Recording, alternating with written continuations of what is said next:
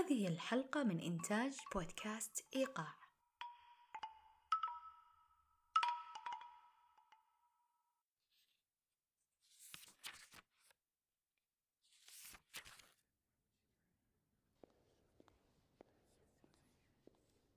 أريدهم أن يخرجوا بكأس ماء فقط من مكة إلى بغداد. هكذا بدأت قصة حفر عين زبيدة كما ذكرت في كتاب درب زبيدة.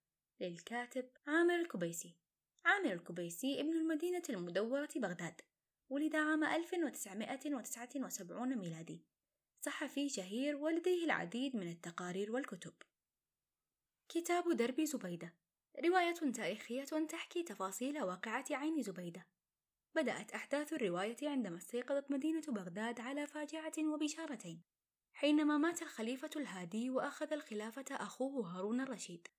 وتمتد أحداث الكتاب من محاولات زبيدة في إقناع زوجها هارون الرشيد بحفر عين لضمان وصول الحجاج لمكة سالمين غير ظامئين وتمتلئ الرواية بالكثير من تفاصيل وقصص حفر العين وقصة حب أبي السنان القديمة لنوار والتي تفيض بالمشاعر والاستشهاد بمحاسن مدينة بغداد وكل تفاصيل البناء والعمل الجاد لتحقيق تلك الأمنية لزبيدة ساقية الحجيج وهدفها الشريف.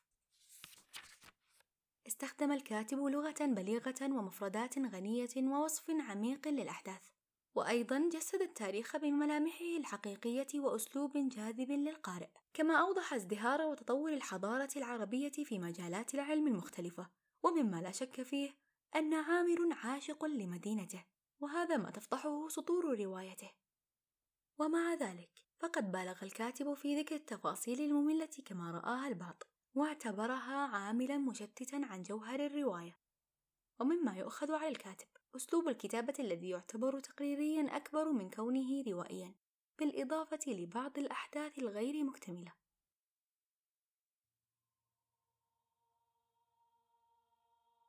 الجمل المغرور لا يرفق بالسيدة بينما عقلها هو الآخر عبر عن سخطه على الحالة الراقصة فوق الجمل.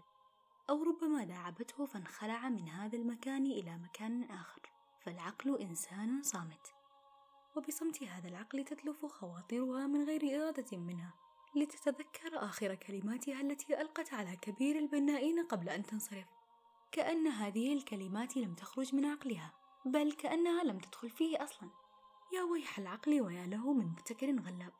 إنه يعقد صفقاته مع الروح من غير أن يخبر الجسد. فتأتلف الروح مع العقل في قصة واحدة. لا تخرج على ظهر اللسان إلا في تمنع ودلال. حقق الكتاب بند كتاب عن تاريخ الأشياء. إذا أعجبك كتاب درب زبيدة. سيعجبك كتاب زرياب.